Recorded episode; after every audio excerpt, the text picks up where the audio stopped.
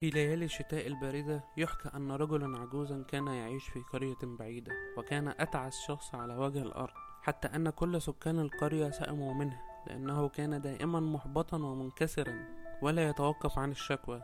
لم يعد يمر يوما عليه إلا تراه في مزاج سيء. كلما تقدم به السن ازداد كلامه السيء.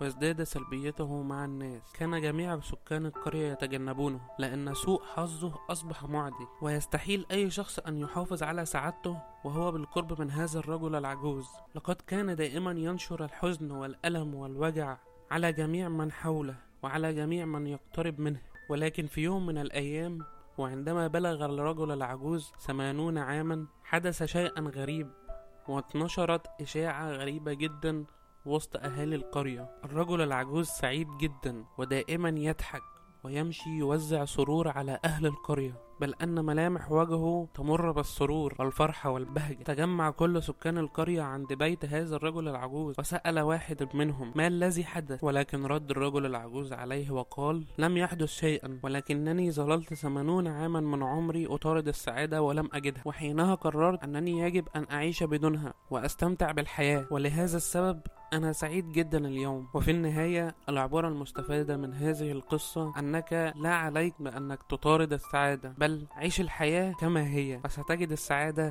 في كل شيء. وفي النهاية أرجو لكم نهاية سعيدة.